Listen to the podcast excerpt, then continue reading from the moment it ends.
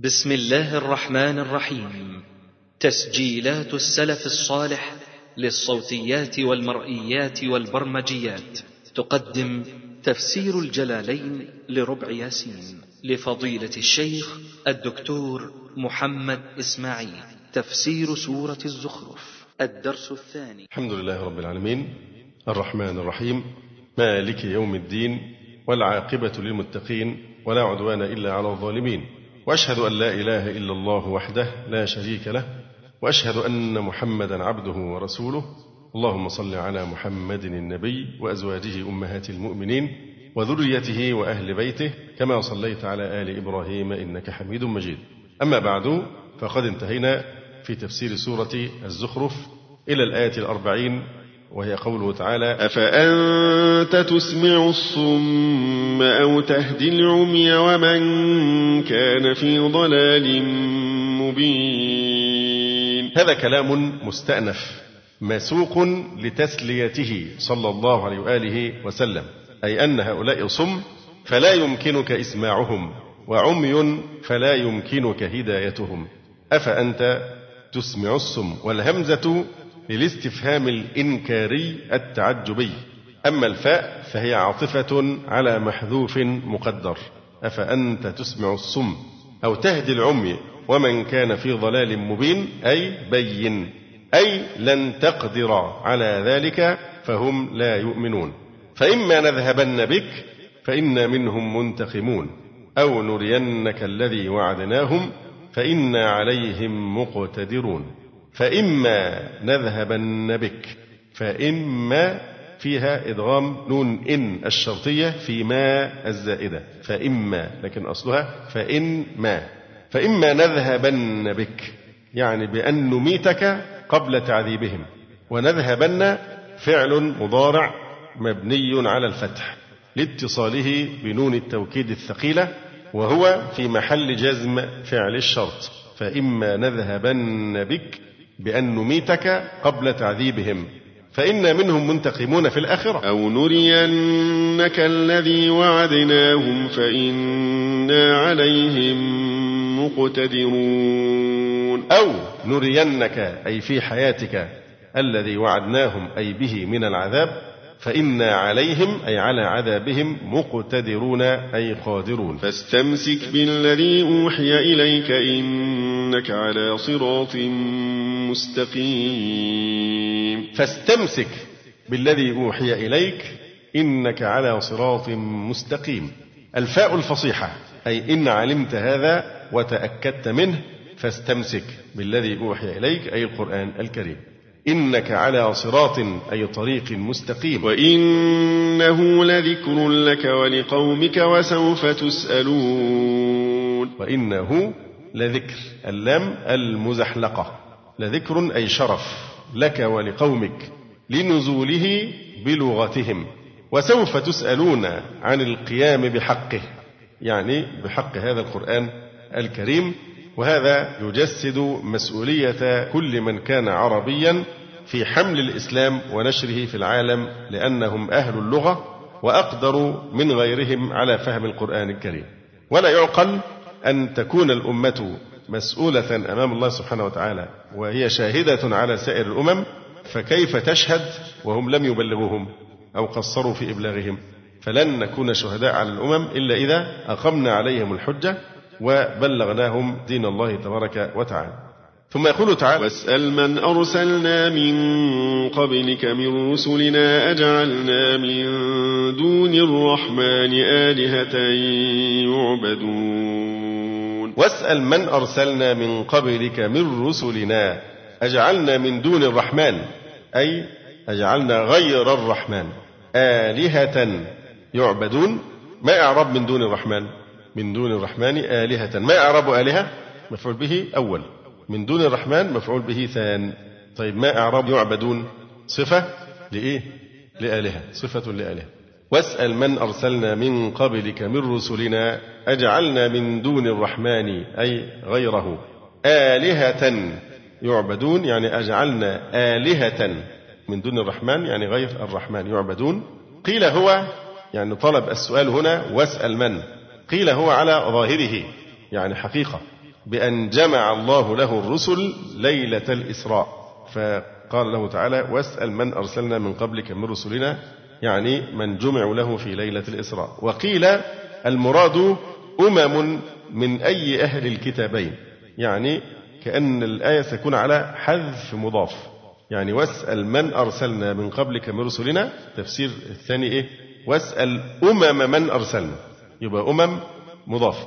فهنا يكون على حذف مضاف يعني واسأل أمم من أرسلنا من قبلك من رسلنا يشهد لهذا قوله تعالى فاسأل الذين يقرؤون الكتاب من قبلك ولم يسأل رسول الله صلى الله عليه وسلم على واحد من القولين لأن المراد من الأمر بالسؤال التقرير لمشرك قريش أنه لم يأتي رسول من الله ولا كتاب بعبادة غير الله هذه رسالة جميع الأنبياء ألا يعبد غير الله سبحانه وتعالى ولقد أرسلنا موسى بآياتنا إلى فرعون وملئه فقال إن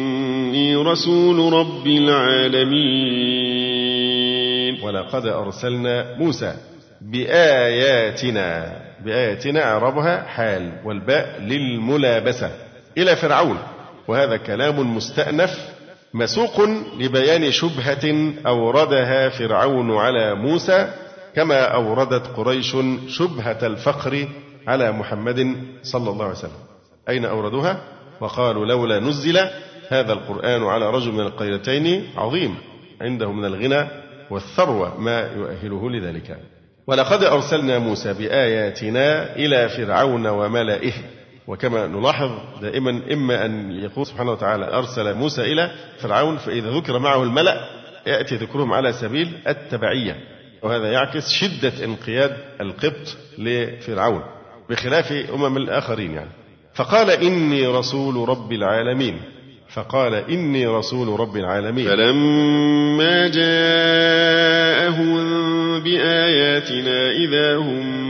منها يضحكون فلما جاءهم بآياتنا أي الدالة على رسالته هذه الفاء عاطفة على مقدر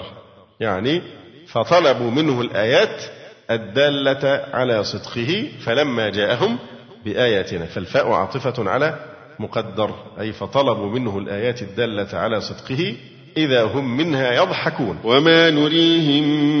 من آية إلا هي أكبر من أختها وأخذناهم بالعذاب لعلهم يرجعون وما نريهم من آية من آيات العذاب إلا هي أكبر من أختها ما إعراب من آية وما نريهم هم هذه هي الإيه مفعول أول من آية مفعول به ثان طبعا في محل نصب وما نريهم من آية من آيات العذاب كالطوفان وهو ماء دخل بيوتهم ووصل إلى حلوق الجالسين سبعة أيام والجراد وما نريهم من آية إلا هي أكبر من أختها يعني أختها قرينتها التي قبلها وقوله تعالى وما نريهم من آية إلا هي أكبر من أختها هذا كلام جامع مانع يعني أن هذه الآيات موصوفات بالكبر اللي هي أكبر الآيات موصوفات بالكبر ولا يكدن يتفاوتن في صفة الكبر وكذلك العادة في الأشياء التي تتلاقى في الفضل وتتفاوت منازلها فيه التفاوت اليسير العادة أن تختلف آراء الناس في تفضيلها فيفضل بعضهم هذا وبعضهم ذاك ومنه بيت الحماسة من تلقى منهم تقل لاقيت سيدهم مثل النجوم التي يسري بها الساري من تلقى منهم أي شخص تلقاه من هذه القبيلة تقول أنا لقيت زعيمهم الأكبر لأنهم جميعا فضلاء وصفاتهم صفات يعني جليلة من تلق منهم تقل لاقيت سيدهم مثل النجوم التي يسري بها الساري وقد فاضلت الأنمارية بين الكملة من بنيها امرأة أنمارية فاضلت بين أبنائها وكانوا كلهم على درجة عالية من الفضل ثم قالت لما أبصرت مراتبهم متدانية متقاربون في الفضل قالت يعني لما رأت قلة التفاوت بينهم أنهم يكادون يتساوون في الفضائل قالت ثكلتهم إن كنت أعلم أيهم أفضل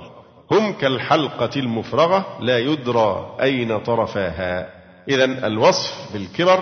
هو بالنسبة إلى الناظرين فيها بالنسبة إلى الناظرين فيها بعضهم يقول هذه أكبر من تلك وما تأتيهم من آية إلا هي أكبر من أختها يعني الآيات كلها موصوفات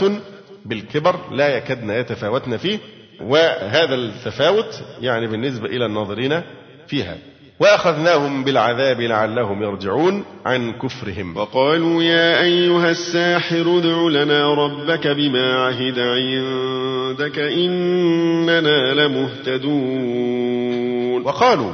يا ايها الساحر ادع لنا ربك بما عهد عندك اننا لمهتدون وقالوا لموسى لما راوا العذاب يا ايها الساحر السحر ليست في سياق الذم لأن السحر عندهم كان علما عظيما في نظرهم فهذا لقب تشريف في مجتمعهم فليس هذا مسوقا على سبيل الذم لموسى لأن الموقف إيه الموقف أنه لما كان نزل بهم العذاب هرعوا إلى موسى عليه السلام لئن كشفت عنا الرجز لنؤمنن لك ولنرسلن معك بني إسرائيل وهذا يدل على أنهم كانوا يعلمون أن موسى رسول الله حقا وإنما كان كفرهم جحودا بدليل قوله تعالى في سورة النمل وجحدوا بها واستيقنتها أنفسهم ظلما وعلوا يعني جحدوا بها ظلما وعلوا في حين كانت قلوبهم على يقين لأن موسى على حق وهذا المبحث طالما تعرضنا له حينما ذكرنا الكلام على توحيد الربوبية وأنه لا يكاد يصدق أن هناك من ينكر وجود الله بل ما من أمة في القرآن من الأمم الكافرة إلا وكانت تقر بأنه لا رب إلا الله تقر بالربوبية حتى فرعون وهذا هو الشاهد أنهم لجوا إليه والآية الأخرى التي تؤيد هذا أيضا في سورة الإسراء قال لقد علمت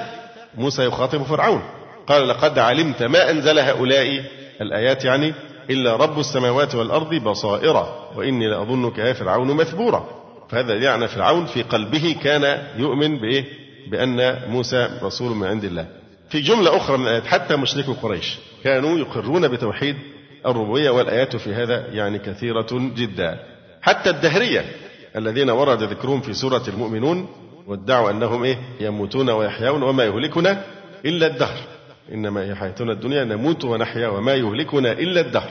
فهذا لا يعني أنهم ينكرون وجود الله على أي الأحوال هذه المناسبة التي نتعرض فيها لمثل هذا فإذا هذه الآية تذكرنا لنفس هذا المعنى وقالوا يا أيها الساحر يعني يا أيها العالم الكامل لأن السحر علم عظيم في نظرهم أو نادوه بالساحر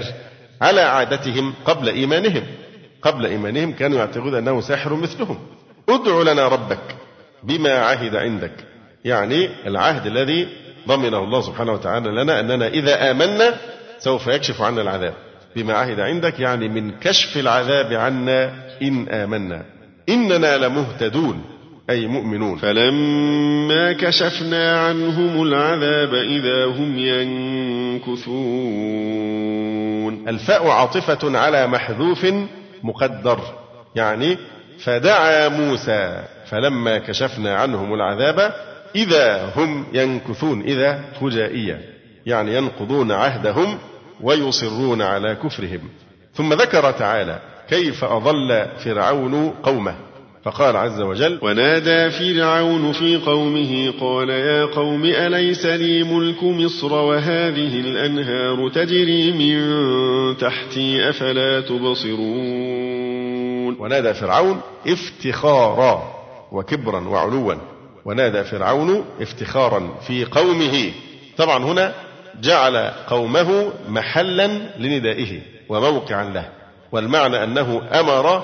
بالنداء في مجامعهم وأماكنهم يبقى في قومه في مجامع وأندية إيه وأماكن قومه كما أن المراد من نادى فيها يعني ليس المراد هل فرعون نادى بنفسه هينزل فرعون ويلف على القرى والنجوع ويتواضع إلى هذا الحد لابد بيكون بيرسل إيه جنوده وعماله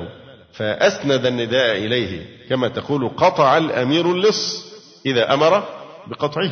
ونادى فرعون افتخارا في قومه قال يا قوم هذا منادى مضاف إلى ياء المتكلم المحذوفة أصلها يا قومي يا قوم أليس لي ملك مصر أليس لي ملك مصر وهذه الهمزة للاستفهام التقريري وهذه الأنهار تجري من تحتي وهذه الأنهار الواو حالية إذا قلنا إن الواو حالية إذا الجملة نصب على الحال يبقى وهذه الأنهار تجري من تحتي دي جملة في محل نصب على الحالية وهذه تكون إيه مبتدأ والأنهار بدل وجملة تجري خبر هذه الأنهار تجري يبقى الجملة كلها حالية أو إذا قلنا وهذه الأنهار إذا قلنا الواو عاطفة فإذا هذه عطف على ملك مصر يعني هو يملك الإيه مصر ويملك الأنهار أيضا طبعا ويتصرف أنه يملك البشر أيضا أليس لي ملك مصر وهذه الأنهار يعني إيه وملك هذه الأنهار تجري من تحتي من تحت يعني من تحت قصوري أفلا تبصرون عظمتي قال هذا فخرا وعلوا على عباد الله عامله الله سبحانه وتعالى من جنس عمله فلما افتخر في حال كفره بأن الأنهار تجري من تحته عاقبه الله من جنس عمله أن أجراها من فوقه وكانت نهايته الغرق أفلا تبصرون عظمتي أم أنا خير من هذا الذي هو مهين ولا يكاد يبين أم أنا خير من هذا الذي هو مهين ولا يكاد يبين يعني أفلا تبصرون أم تبصرون أفلا تبصرون أم تبصرون ولأنكم تبصرون فستدركون أني خير من هذا الذي هو مهين ولا يكاد يبين يبقى أفلا تبصرون أم أنا خير من هذا أم أنكم فعلا تبصرون أني أنا خير من هذا الذي هو مهين إلى آخره حتى كلمة هذا هذا يعني فيها سوء أدب مع موسى عليه السلام أم أنا خير من هذا أي موسى الذي هو مهين والعياذ بالله ضعيف حقير في زعمه ولا يكاد يبين يعني يظهر كلامه للثغته بالجمرة التي تناولها في صغره الحديث أو الخبر الذي فيه أن موسى عليه السلام لما أراد فرعون أن يختبره أتى بجمرة وتمر فدعت امرأة فرعون الله سبحانه وتعالى أن يختار الجمرة حتى تدل على أنه لا يعني لا يقصد شيئا حينما جذبه أظن من لحيته أو شيء من هذا فاختار الإيه الجمرة ليظهر أمام فرعون على أنه لا يعي شيئا فلثغت لسانه وهذا الكلام لم يصح في بيان ما هي العقدة التي كانت في لسان موسى واحلل العقدة من لساني يفقه قولي ليس في بيانها شيء مرفوع إلى النبي صلى الله عليه وآله وسلم بل هو مشهور عن سعيد بن جبير إذا هي عقدة حلها الله تعالى كما أخبر وكفى ليس لنا أن نزيد على هذا بادعاء قصة الجمرة لأنها لم تصح عن النبي صلى الله عليه وسلم ولا يكاد يبين فلولا ألقي عليه أسورة من ذهب أو جاء معه الملائكة مقترنين فلولا ألقي عليه طبعا هذه دعوة كاذبة لأن موسى من أفصح الناس وأبينهم وأبلغهم وفرعون هو الذي لا يكاد يبين وهو الذي يعني بهذه المثابة فلولا ألقي عليه لولا حرف تحضيض بمعنى إيه هلا هلا فلولا ألقي عليه إن كان صادقا أساورة من ذهب من ذهب صفة لإيه لأساورة أو أسورة فلولا ألقي عليه أسورة هذه في قراءة أو أساورة من ذهب هذا جمع سوار أسورة جمع سوار لأن هذه كانت عادتهم عادة الفراعنة في من يسودونه أن يلبسوه أسورة من ذهب ويطوقوه طوق ذهب وهذا نراه في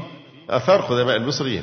أو جاء معه الملائكة مقترنين يعني متتابعين يشهدون بصدقه فاستخف قومه فأطاعوه إنهم كانوا قوما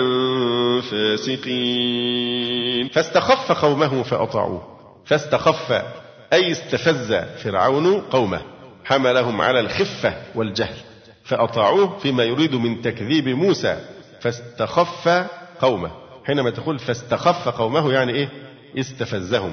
أو حملهم على الخفة والجهل بخلاف عبارة استخف به فمعناها إيه أهانه فاستخف قومه فأطاعوه إنهم كانوا قوما فاسقين أي كافرين فلما آسفونا انتقمنا منهم فأغرقناهم أجمعين فلما آسفونا آسفونا أغضبونا آسفونا أغضبونا فلما آسفونا انتقمنا منهم فأغرقناهم أجمعين فجعلناهم سلفا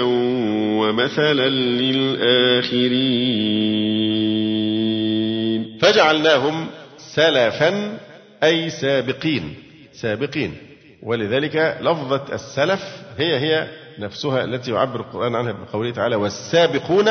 الأولون من المهاجرين والأنصار فهذا شاهد لغوي لمعنى كلمة السلف فجعلناهم سلفا جمع سالف كخادم وخدم أي سابقين عبرة ومثلا للآخرين فاجعل لهم سلفا سابقين متقدمين إلى العذاب ليتعظ بهم غيرهم ممن يأتي بعدهم ولذلك قال فاجعل لهم سلفا تقدموا عليهم إلى العذاب ليتعظ بهم غيرهم ولذلك قال ومثلا للآخرين فمثلا عطف على سلفا للآخرين صفة لمثلا يعني بعدهم يتمثلون بحالهم فلا يقدمون على مثل فعالهم ولما ضرب ابن مريم مثلا إذا قومك منه يصدون هذا كلام مستأنف مسوق لبيان نوع آخر من لجاجهم وإمعانهم في المكابرة ومما يروى بصدد هذه الآية الكريمة ولما ضرب ابن مريم مثلا إذا قومك منه يصدون يصدون يعني لأجل الجدل والمراء والمحاججة واللجاج لا لإظهار الحق ذكروا أنه لما قرأ رسول الله صلى الله عليه وسلم على قريش قوله تعالى إنكم وما تعبدون من دون الله حصب جهنم امتعضوا من ذلك امتعاضا شديدا فقال عبد الله بن الزبعرى وعبد الله بن الزبعرى صحابي مشهور وشاعر أسلم فيما بعد وحسن إسلامه وهذه القصة على تقدير صحتها كانت قبل إسلامه رضي الله عنه فقال عبد الله بن الزبعرى يا محمد أخاصة لنا ولآلهتنا أم لجميع الأمم فقال صلى الله عليه وسلم هو لكم ولجميع الأمم إنكم وما تعبدون من دون الله حصب جهنم أنتم لها واردون فقال خصمتك ورب الكعبة أليست النصارى يعبدون المسيح واليهود يعبدون عزيرا وبنو مليح يعبدون الملائكة فإن كان هؤلاء في النار اللي هو الإيه المسيح وعزير والملائكة فقد رضينا أن نكون نحن وآلهتنا معهم ففرحوا وضحكوا وارتفعت أصواتهم وذلك قوله تعالى إذا قومك منه يصدون ففند الله مكابرتهم بأنه إنما قصد به الأصنام إنكم وما تعبدون يعني من الأصنام والأوثان حسب جهنم أنتم لها واردون ولم يقصد به الأنبياء والملائكة إلا أن ابن الزبعرى لما رأى كلام رسول الله صلى الله عليه وسلم محتملا لفظه وجه العموم مع علمه بأن المراد به أصنامهم لا غير وجد للحيلة مساغا فصرف معناه إلى الشمول والإحاطة على طريق المماحكة واللجاج فتوقر رسول الله صلى الله عليه وسلم عن إجابته حتى أجاب عنه ربه بقوله إن الذين سبقت لهم منا الحسنى أولئك عنها مبعدون فدل به على أن الآية خاصة بالأصنام أما المسيح وعزير والملائكة فهؤلاء كرهوا أن يعبدوا من دون الله فمن ثم لا تشملهم الآية إن الذين سبقت لهم منا الحسنى أولئك عنها مبعدون يقول تعالى ولما ضرب أخرج أحمد بسند صحيح والطبراني عن ابن عباس رضي الله عنهما أن رسول الله صلى الله عليه وسلم قال لقريش إنه ليس أحد يعبد من دون الله وفيه خير فقالوا ألست تزعم أن عيسى كان نبيا وعبدا صالحا وقد عبد من دون الله فأنزل الله لما ضرب ابن مريم مثلا إذا قومك منه يصدون وقد قالوا ذلك مجادلة بالباطل وهم يعلمون أن عيسى عليه السلام ليس داخلا في الوعيد لأنه رسول الله ولا يرضى بأن يعبدوه ولما ضرب ابن مريم أي جعل ابن مريم مثلا إعراب مثلا مفعول به ثان طب وفين الأول؟ ولما ضرب ابن مريم هي عشان الفعل مبني للمجهول لكن الاصل ولما ضربنا ابن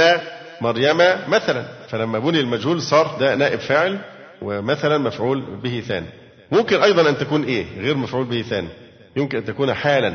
يعني ولما ذكر ممثلا به حين نزل قوله تعالى انكم وما تعبدون من دون الله حصب جهنم فقال المشركون رضينا أن تكون آلهتنا مع عيسى لأنه عبد من دون الله إذا قومك إذا فجائية إذا قومك المشركون منه أي من المثل يصدون أو يصدون قراءتان فإذا قرأناها بكسر الصد يصدون يعني يضجون فرحا بما سمعوا فيصدون هنا يكون معناها إيه بالكسر يعني ترتفع لهم جلبة وضوضاء فرحا وجذلا وضحكا مما سمعوا أما القراءة الأخرى إذا قومك منه يصدون بضم الصاد أي يعرضون من أجل المثل فالضم من الصدود بمعنى الإعراض وقالوا أآلهتنا خير أم هو ما ضربوه لك إلا جدلا بل هم قوم خصمون أم هنا حرف عطف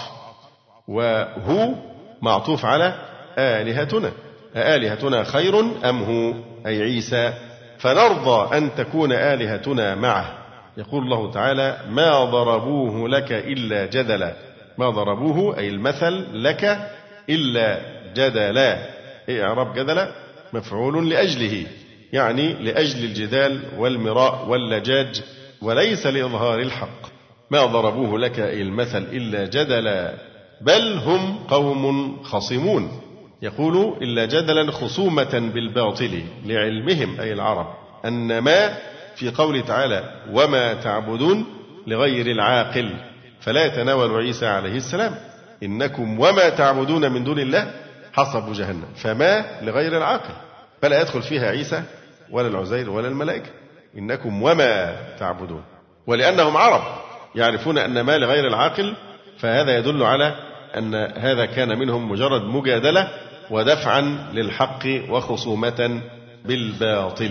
بل هم قوم خصمون شديد الخصومة إن هو إلا عبد أنعمنا عليه وجعلناه مثلا لبني إسرائيل إن هو إلا عبد إن نافية هو مبتدأ يعني ما عيسى إلا عبد إلا أداة حصر عبد هذا هو خبر هو إن هو إلا عبد يبقى المبتدأ هو والخبر عبد أنعمنا عليه إعرابها صفة لعبد أنعمنا عليه بالنبوة وجعلناه بوجوده من غير أب مثلا لبني إسرائيل فمثلا مفعول به ثان لبني إسرائيل أي كالمثل لغرابته يستدل بها على قدرة الله تعالى على ما يشاء ثم يقول تعالى ولو نشاء لجعلنا منكم ملائكة في الأرض يخلفون ولو نشاء لجعلنا منكم إن كانت جعلنا بمعنى صيرنا ولو نشاء لجعلنا يعني لصيرنا منكم ملائكة يبقى ملائكة هتكون إيه في موضع المفعول الثاني ولو نشاء لجعلنا منكم ملائكة في الأرض يخلفون إذا قلنا إن جعلنا بمعنى صيرنا فهتكون منكم إيه في موضع المفعول الثاني لكن إن كانت جعلنا بمعنى خلقنا ولو نشاء لجعلنا منكم ملائكة إن كانت بمعنى خلقنا فالجار والمجرور متعلقان بإيه بجعلنا جعلنا منكم يعني خلقنا منكم يقول هنا الجلال المحلي في تفسيرها ولو نشاء لجعلنا منكم بدلكم قال بعض النحويين لأن من تكون للبدل أي لجعلنا بدلكم ملائكة ومن ذلك قوله تعالى أرضيتم بالحياة الدنيا من الآخرة أي بدل الآخرة وقال الشاعر أخذوا المخاض من الفصيل غلبة ظلما ويكتب للأمير أقالا أخذوا المخاض من الفصيل يعني من هنا يعني أخذوا المخاض بدل الفصيل ولو نشاء لجعلنا منكم بدلكم ملائكة في الأرض يخلفون بأن نهلككم وإنه لعلم للساعة فلا تمترن بها واتبعون وإنه أي عيسى عليه السلام لأن السياق في شأن المسيح عليه السلام وإنه أي عيسى لعلم للساعة ما اللام اللام هنا المزحلقة وإنه لعلم للساعة أي شرط من أشراطها تعلم به فسمى الشرط علما لحصول العلم به كيف يكون علما للساعة لأن الأشراط تدل على اقتراب الساعة الأشراط هي مقدمة وتدل على اقتراب يوم القيامة وإنه لعلم للساعة يعني تعلم بنزوله عليه السلام وفي قراءة أخرى لكن ما أظنها مشهورة وإنه لعلم للساعة وهذه تتطابق تماما مع كلامنا في الأشراط أو حتى إذا قلنا وإنه لعلم للساعة يعني هو شرط من أشراطها تعلم به فسمى الشرط علما لحصول العلم به وإنه لعلم للساعة المسيح وهذه إشارة إلى نزول المسيح في آخر الزمان فلا تمترن بها يؤيد هذا أحد القولين في تفسير قوله تعالى وإن من أهل الكتاب إلا لا يؤمنن به قبل موته إذا كانت الهاء تعود على المسيح نفسه لأن المسيح لما يمت وإنما يموت حينما ينزل في الأرض في نهاية الفترة التي يمكثها فلا تمترن بها حذف منه نون الرفع للجزم وواو الضمير لالتقاء الساكنين فلا تمترن أي تشكن فيها واتبعون يعني وقل لهم اتبعون أي اتبعوني على التوحيد اتبعون اتبعوني النون للوقاية والياء هنا محذوفة خطا اتباعا لسنة المصحف هذا صراط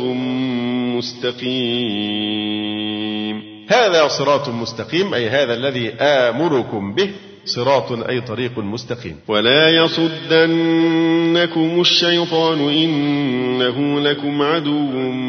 مبين ولا يصدنكم الشيطان لا يصرفنكم عن دين الله الشيطان إنه لكم عدو مبين بين العداوة ولما جاء عيسى بالبينات قال قد جئتكم بالحكمة ولأبين لكم بعض الذي تختلفون فيه فاتقوا الله وأطيعون ولما جاء عيسى بالبينات قال قد جئتكم بالحكمة هذا كلام مستأنف مسوق لبيان تعنت بني إسرائيل ولما جاء عيسى بالبينات بالمعجزات والشرائع قال قد جئتكم بالحكمة بالمعجزات والشرائع ولأبين لكم بعض الذي تختلفون فيه ولأبين لكم متعلق بمقدر أي وجئتكم لأبين قد جئتكم بالحكمة ولأبين يعني إيه وجئتكم لأبين لكم ولم يترك العاطف ليتعلق بما قبله ليؤذن بالاهتمام بالعلة حتى جعلت كأنها كلام برأسه يعني هنا ولأبين لكم يعني إيه قال قد جئتكم بالحكمة وجئتكم لأبين لكم فحذف إيه جئتكم لكي تبقى في الصدارة لكلمة إيه لأبين لكم إشارة إلى الاهتمام هو بالعلة لأبين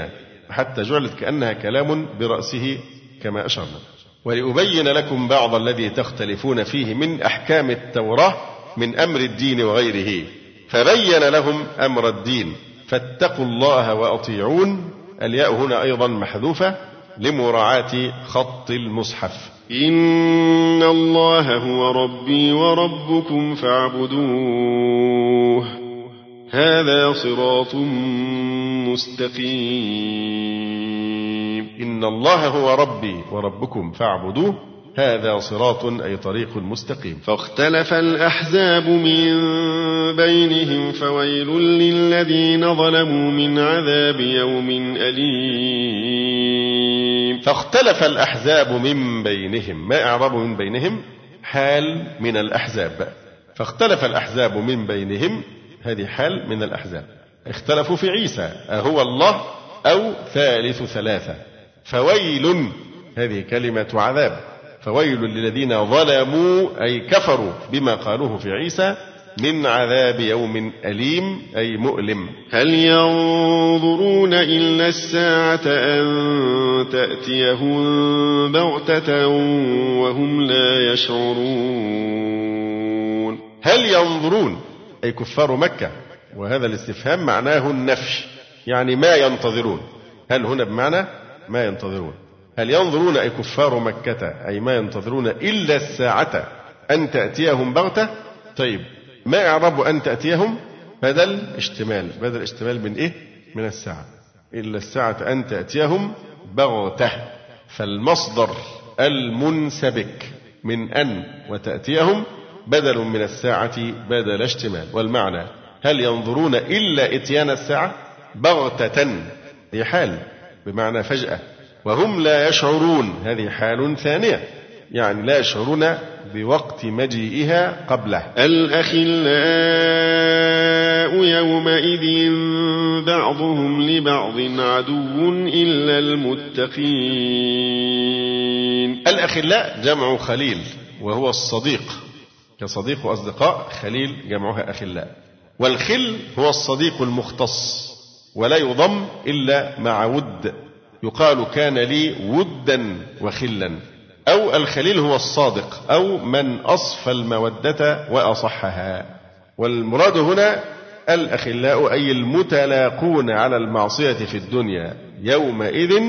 أي يوم القيامة بعضهم لبعض عدو إلا المتقين فهنا قيدها بأن الأخلاء المقصود الذين يجتمعون ويتصادقون على معصية الله تبارك وتعالى أما من تكون الصداقة بينهم في الله والحب في الله فهؤلاء مستثنين أو مستثنون بقوله إلا المتقين لأنهم لا يتصادقون أو لا يتقابلون في المعصية يومئذ الأخلاء يومئذ هنا إذ ظرف مضاف إلى مثله إذ يومئذ يوم دي ظرف وإذ أيضا إيه ظرف فهنا ظرف في كلمة يومئذ مضاف إلى مثله طيب ماذا عن التنوين يومئذ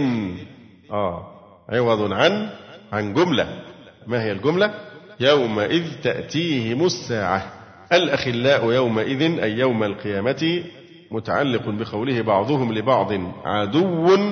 إلا المتقين أي تنقطع في ذلك اليوم كل آصرة أو خلة بين المتخلين وتستحيل عداوة ومقتا إلا المتقين المتحبين في الله على طاعته فإنهم أصدقاء ويقال لهم يا عباد لا خوف عليكم اليوم ولا أنتم تحزنون قوله تعالى يا عبادي فيها من البلاغة الإيجاز لأن هذا النداء اشتمل نداء الله تعالى لعباده على أمور أربعة نفى عنهم الخوف ونفى عنهم الحزن وأمرهم بدخول الجنة وبشرهم باستحواذ السرور على أنفسهم فهذا فيه إيجاز يا عبادي لا خوف عليكم اليوم ولا أنتم تحزنون كما خاف وحزن الكافرون بل أنتم آمنون ومطمئنون الذين آمنوا بآياتنا وكانوا مسلمين الذين آمنوا هذا نعت لعبادي الذين آمنوا بآياتنا أي بالقرآن وكانوا مسلمين يقال لهم ادخلوا الجنة أنتم وأزواجكم تحبرون المقصود أنتم وأزواجكم يبقى إيه وزوجاتكم تحبرون تحبرون هذه معناها تسرون سرورا يظهر حباره والحبار هو الأثر على الوجوه فمعنى تحبرون تسرون سرورا يظهر حباره حباره أي أثره يظهر على وجوهكم وقال الزجاج تحبرون تكرمون إكراما يبالغ فيه ولذلك قال هنا المحلي رحمه الله تعالى ادخلوا الجنة أنتم وأزواجكم تحبرون تسرون وتكرمون هذا هو خبر المبتدأ يطاف عليهم بصحاف من ذهب وأكواب يطاف عليهم بصحاف جمع صحفة أي بقصاع للطعام من ذهب وأكواب أعظم القصاع الجفنة ثم القصعة تشبع عشرة أفراد ثم الصفحة وهي تشبع الخمسة ثم المكيلة وهي تشبع الرجلين والثلاثة يطاف عليهم بصحاف بقصاع من ذهب وأكواب أكواب للشراب جمع كوب وهو إناء لا عروة له ليشرب الشارب من حيث شاء من أي جهة و نلاحظ هنا أنه عز وجل ذكر الذهب في الصحاف لكن تلاحظون هو لم يذكره هنا في التفسير يعني يطاف عليهم بصحاف من ذهب وأكواب طبعا في التفسير المفروض نقول وأكواب من ذهب فذكر الذهب في الصحاف واستغنى به عن الإعادة في الأكواب مثل قوله تعالى والذاكرين الله كثيرا والذاكرات يبقى والذاكرين الله كثيرا والذاكرات الله كثيرا فاستغنى بما ذكر أولا عن إعادته ثانيا نفس الشيء هنا يطاف عليهم بصحاف من ذهب وأكواب يعني أكواب أيضا إيه من ذهب واستغنى بما ذكر في الصحاف كونها من ذهب يعني عن الإعادة في الأكواب وفيها ما تشتهيه الأنفس وتلذ الأعين وأنتم فيها خالدون وفيها ما تشتهي الأنفس بحذف هاء الضمير وفيها ما تشتهي الأنفس هذه قراءة وفي قراءة أخرى وفيها ما تشتهيه الأنفس بزيادة الهاء بعد الياء وهما قراءتان سبعيتان وأيضا هذه الآية الكريمة فيها إيجاز وفيها ما تشتهي الأنفس وتلذ الأعين لأن هذه الآية فيها إيجاز لأنه عز وجل حصر فيها أنواع النعم لأن النعم لا تعدو أمرين اثنين إما مشتهاه في القلوب وإما مستلذة في العيون ولذلك قال وفيها ما تشتهي الأنفس وتلذ الأعين وأنتم فيها خالدون لا نريد أن نمر عن هذه الإشارة مرا سريعا لكن نزيدها توضيحا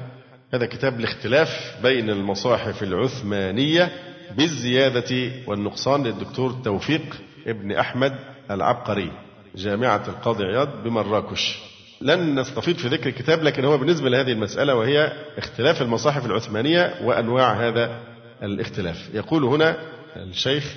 توفيق ابن أحمد العبقري مبينا طبيعة الاختلاف بين المصاحف يعني مصاحف الأمهات التي كتبها عثمان رضي الله عنه وبعث بها إلى الأمصار وطبعا في اختلاف في عدد هذه النسخ قيل أربعة وقيل خمسة وقيل ستة وقيل سبعة وقيل ثمانية لن نفصل الآن في تحقيق هذه المسائل لكن هو يرجح أنها كانت ستة ستة مصاحف أرسلت إلى الأمصار حتى تنسخ منها نسخ لإيه؟ من المصحف الشريف يقول يراد بالاختلاف بين المصاحف الزيادة والنقصان ما تغاير فيه مرسوم المصاحف العثمانية الأئمة يعني النسخ التي أرسلها عثمان عثمان رضي الله تعالى عنه أثبت في بعض النسخ قراءة معينة وفي بعضها إيه قراءة أخرى لكن كلها معتمدة معتمدة فإذا الاختلاف هنا في أن بعض المصاحف يكون فيها زيادة أو نقصان في حرف في كلمة كما هنا وفيها ما تشتهي الأنفس وفي القراءة وفيها ما تشتهيه الأنفس فبعض المصاحف كان فيها تشتهي وبعضها كان فيها إيه تشتهيه فهو ده المقصود بهذا البحث وهو الاختلاف بين المصاحف العثمانية بالزيادة والنقصان وهو ما تغير فيه مرسوم المصاحف العثمانية الأئمة من حيث زيادة بعض الأحرف في بعضها ونقصانها في بعضها الآخر يقول هنا لابد من أن نستحضر جملة سمات تحكم هذا الاختلاف وخصائص تضبطه أما هذه الخصائص فهي أن هذا الضرب من الاختلاف موئله النقل وملاذه الرواية والتوقيف يعني لا يتصور إطلاقا أن هذا النوع من الاختلاف اللي هو وجود حرف مثلا في قراءة غير موجود في الأخرى شيء بيتكتب فهذا الضرب من الاختلاف مبناه على النقل والتوقيف ولا مجال إطلاقا فيه للاجتهاد يعني هذا مقصود من أمير المؤمنين والصحابة حينما دونوا المصحف الشريف وإن ساحته لتضيق عن احتمال الاجتهادات والآراء مهما بلغت من السداد والوجاهة بناء عليه فالاختلاف في هذه الأحرف كالاختلاف في شأن المصاحف والمقارئ عامة كله حق وصواب وكله كاف شاف لصدوره عن منزله سبحانه وتعالى. يقول الامام ابو عمرو الداني مؤكدا هذه الحقيقه فيما رواه بسنده الى ابي عبيد. هذه الحروف التي اختلفت في مصاحف الامصار مثبته بين اللوحين وهي كلها منسوخه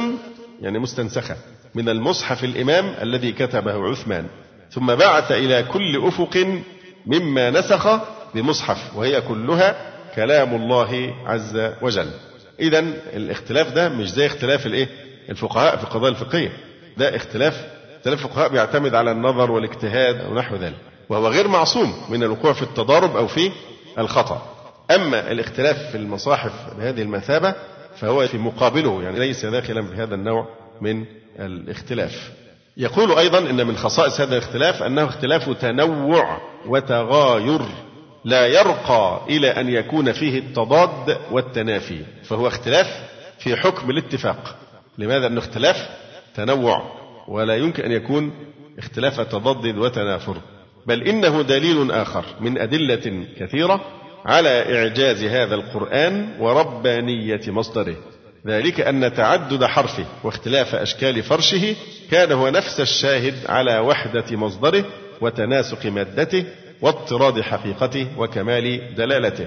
مصداقا لقول الباري سبحانه وتمت كلمة ربك صدقا وعدلا لا مبدل لكلماته وهو السميع العليم فالقرآن من كلام الله الذي لا يمكن أن يبدل إطلاقا الخصيصة الثالثة أن هذا الاختلاف بين المصاحف بالزيادة والنقصان خاصة يوفر في أغلبه فضل ثراء ويحقق مزيد غناء في الدلالات القرآنية بحيث يفتق أكمامها عن أبكار المعاني وجديد المفاهيم أو على الأقل تستبين به معاني الآية وتستنير مقاصدها بتوارده عليها مورد التأكيد وتعاقبه عليها في سياق التوضيح كل ذلك في إيجاز مبين يقوم فيه تعدد القراءات بالزيادة والنقصان مقام تعدد الآي وكفى بذلك سبيلا إلى تحصيل الفهم والدراية واتضاح منهاج الرشد والهداية رابعا يندرج هذا الاختلاف ضمن سواد المرسوم الذي تمت مباركته والإجماع عليه من لدن الصحابة رضوان الله تعالى عليه هذا المرسوم الذي أضحى الإمام للأمة المرسوم مقصود بإيه؟ نسخة المصحف الأم المصاحف الأمهات المصحف العثماني وبات على كل قراءة تبتغي الصحة وسلوك سبيل التعبد بها أن تأتي على وفاقه وتدخل في نطاقه وإلا وصمت بالشذوذ بناء على ذلك فقد جعل علماء الأداء القراءة القرآنية بحسب الرسم على ثلاثة مستويات أولا ما فيه قراءتان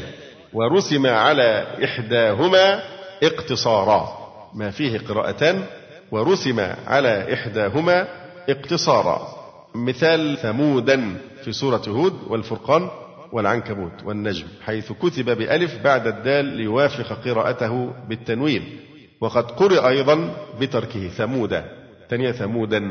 مثلا قال لو شئت لاتخذت عليه أجرا كتبت بدون ألف بعد اللام موافقة لقراءة التخفيف وقرأ أيضا بتشديد اللام المستلزم لوجود همزة الوصل لاتخذت كتب لم ألف لاتخذت وهكذا في أمثلة يعني أخرى فأول مستوى في أداء القراءة القرآنية ما فيه قراءتان ورسم على إحداهما اقتصارا فهنجد في بعض النسخ المصاحف العثمانية فيها القراءة دي والثانية فيها القراءة الأخرى ما فيه قراءتان ورسم صالحا لهما يعني ككتابة ممكن تقرأ قراءة إيه يعلمون أو تعلمون لأنه ما كانش فيه نقط في المصحف فممكن تحتمل يعلمون وإيه وتعلمون مثلا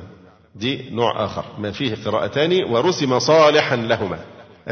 الثالث ما فيه قراءتان ورسم في كل مصحف بحسب قراءة مصره بحسب قراءة مصره ثم ذكر يعني أمثلة لا نريد أن نطيل بذكرها نحن نريد بس المرور على نقاط مهمة في هذا البحث يقول وليس يخفى أن عثمان رضي الله تعالى عنه حين كتب المصاحف لم يجعلها متطابقة تماما فهي وإن اتحدت من جهة خلوها من النقد والشكل فقد اختلفت من ناحية زيادة بعض الحروف أو نقصانها وقد كان هذا الأمر داعي العلماء أن يشترطوا لصحة القراءة وثبوت قرآنيتها أن توافق أحد تلك المصاحف لابد أن توافق إيه؟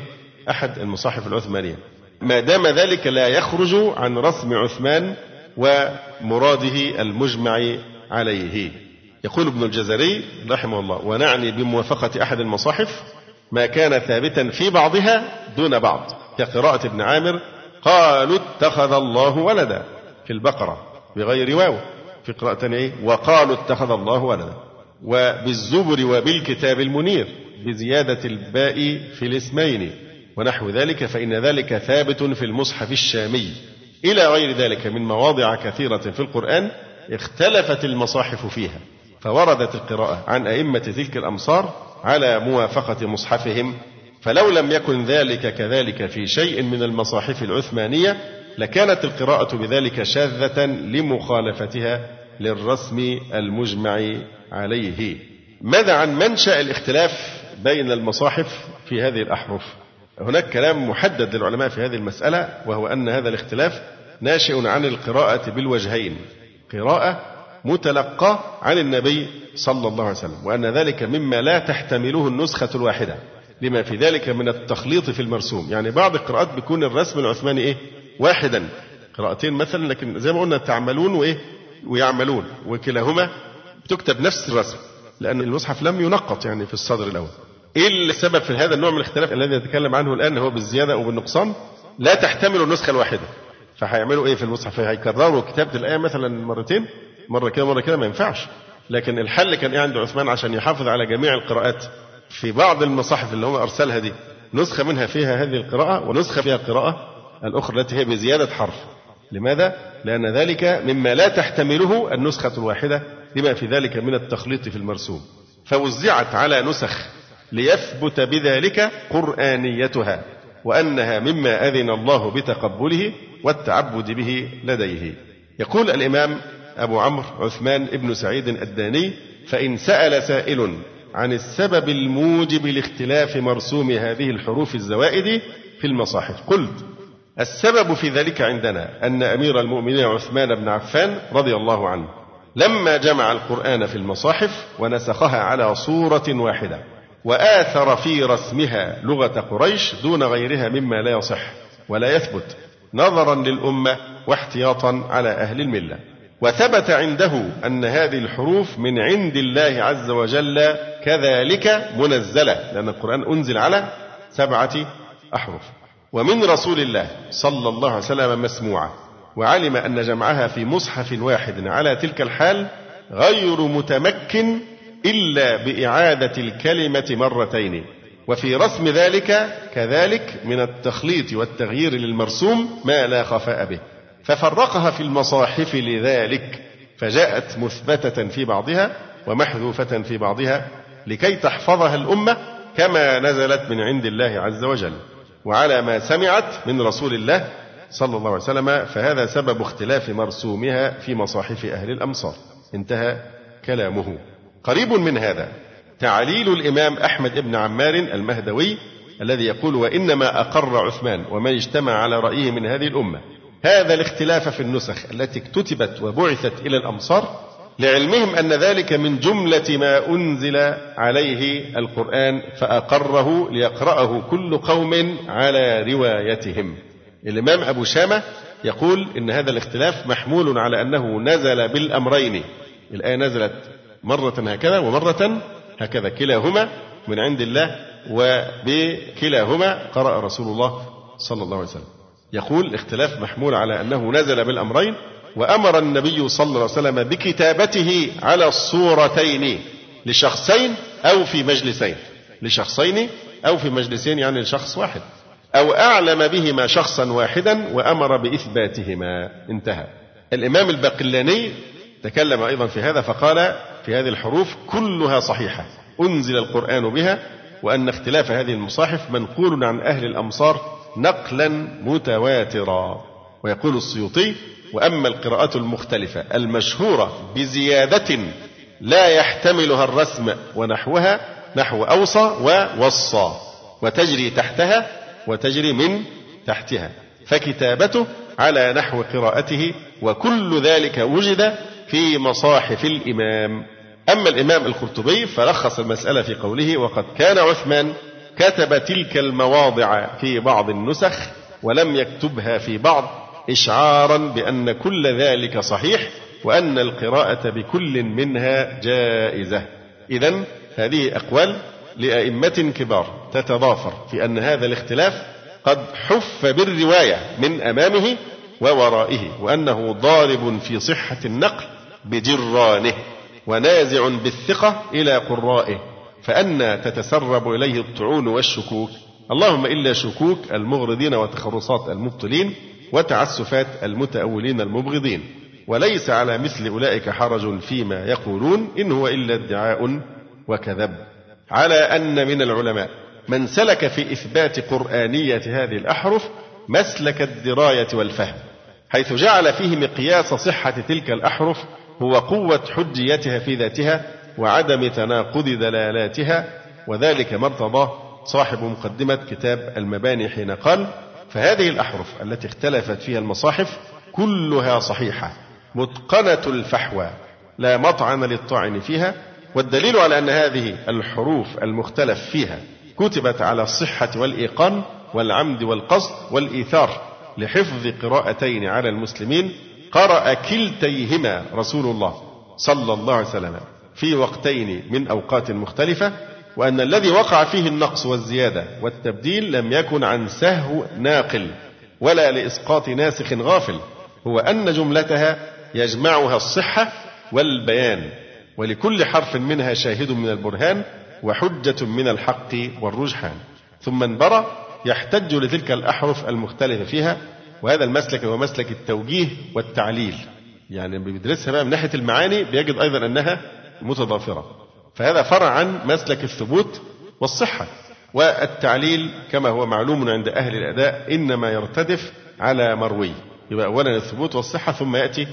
التعليل بعد ذلك فبان إذن أنه قد اجتمع لهذه الأحرف الأمران صحة روايتها وسلامة نقلها وسداد وجهها وإحكام دلالتها ثم تكلم على مخالفة المقرئ لمصحف قطره وذكر أسماء المؤلفات في اختلاف المصاحف ذكر حوالي 43 مرجع في هذا بعد كده بيتكلم على عدد الأحرف المختلف فيها بين المصاحف وذكرها واحدا واحدا الأحرف المختلف فيها حسب السور من أول قوله تعالى قالوا اتخذ الله ولدا سورة البقرة وقالوا اتخذ الله ولدا ووصى بها إبراهيم بنيه في الأخرى إيه وأوصى وأيضا وسارعوا إلى مغفرة من ربكم في آل عمران القراءة الأخرى إيه سارعوا وهكذا إلى أن وصل إلى أظن أربعين مثال آخره فدمدم عليهم ربهم بذنبهم فسواها ولا يخاف عقبها يقول بالفاء في مصاحف أهل المدينة والشام وفي سائر المصاحف يعني في المصاحف أهل المدينة والشام فلا يخاف عقبها في سائر المصاحف ولا يخاف عقباها بالواو ثم ذكر نماذج من توجيه هذا النوع من الاختلاف في اللغة والإعراب بيجيب نماذج من هذه المواضع وبيشوفها من حيث اللغة والإعراب وهذه أيضا طبعا بتكون لها فوائد كثيرة جدا في التفسير فلا نطيل بذكرها لكن هذه إشارة عابرة لأن ممكن بعض الناس لما تسمع بالمسألة دي تفاجأ بها وقد تشكل عليه ولا يعرف جواب ذلك طبعا هذه كما ذكرنا من القراءات المتواترة والأمة كلها ليس فيها أي محل للاجتهاد في هذه المسائل كالاجتهاد الفقهي لا دي ما فيش فيها أي احتمال الاختلاف أو الاجتهاد كما ذكرنا فهذا فيما يتعلق بأن هذا الموضع فيه هذه المسألة وهي اختلاف في رسم الإيه المصحف بالزيادة أو بالنقصان فهنا قوله تعالى يطاف عليهم بصحاف من ذهب وأكواب وفيها ما تشتهي الأنفس في بعض المصاحف الأخرى وكلها المصاحف العثمانية وفيها ما تشتهيه الأنفس فعثمان كتب في بعض المصاحف هذه وفي بعضها كتب تلك ليبقى إثبات إيه القراءات كما أنزلها الله سبحانه وتعالى لذلك قال الجلال المحلي بحذف هاء الضمير وفيها ما تشتهي وفي قراءة تشتهيه بزيادة الهاء بعد الياء وهما قراءتان سبعيتان وفيها ما تشتهيه الأنفس وتلذ الأعين وأنتم فيها خالدون وفيها ما تشتهيه الأنفس يعني تلذذا وتلذ الأعين نظرا بالنظر إليها وأنتم فيها خالدون وتلك الجنة التي أورثتموها بما كنتم تعملون ماذا في هذه الآية من البلاغة التفات التفات من الغيبة إلى الخطاب الشريف والمخاطب كل واحد ممن دخل الجنة ولذلك أفرد الكاف فقال وتلك الجنة التي أورثتموها ولم يقل وتلكم الجنة لأن كأن ربنا بيخاطب كل واحد ممن دخل الجنة مع أن مقتضى قوله تعالى أورثتموها أن يقول وتلكم الجنة التي أورثتموها وذلك للإيذان بأن كل واحد من أهل الجنة مقصود بالذكر لذاته كل واحد يخاطبه الله بقوله وتلك الجنة فالخطاب هيوجه لإيه؟ لكل فرد كأنه مقصود بخطاب لذاته تلك الجنة التي أورثتموها بما كنتم تعملون روى مسلم والترمذي عن أبي سعيد وأبي هريرة رضي الله عنهما قال قال رسول الله صلى الله عليه وسلم إذا دخل أهل الجنة الجنة ينادي مناد إن لكم أن تصحوا فلا تسقموا أبدا وإن لكم أن تحيوا فلا تموتوا أبدا وإن لكم أن تشبوا فلا تهرموا أبدا وإن لكم أن تنعموا فلا تبأسوا أبدا ذلك قول الله عز وجل ونودوا أن تلكم الجنة أورثتموها بما كنتم تعملون ثم يقول تعالى لكم فيها فاكهة كثيرة منها تأكلون منها أي من بعضها تأكلون وما يؤكل يخلف بدله فهذا ما تيسر من الكلام في تفسير سورة الزخرف ونكمل إن شاء الله تعالى الأسبوع القادم أقول قولي هذا وأستغفر الله لي ولكم سبحانك اللهم ربنا وبحمدك أشهد أن لا إله إلا أنت أستغفرك وأتوب إليك وفي الختام تقبلوا تحيات إخوانكم في تسجيلات السلف الصالح بالإسكندرية هاتف رقم صفر ثلاثة فاصل أربعة تسعة أربعة سبعة ستة خمسة اثنان وتليفون محمول صفر عشرة واحد ستة أربعة واحد تسعة ثمانية صفر والسلام عليكم ورحمة الله وبركاته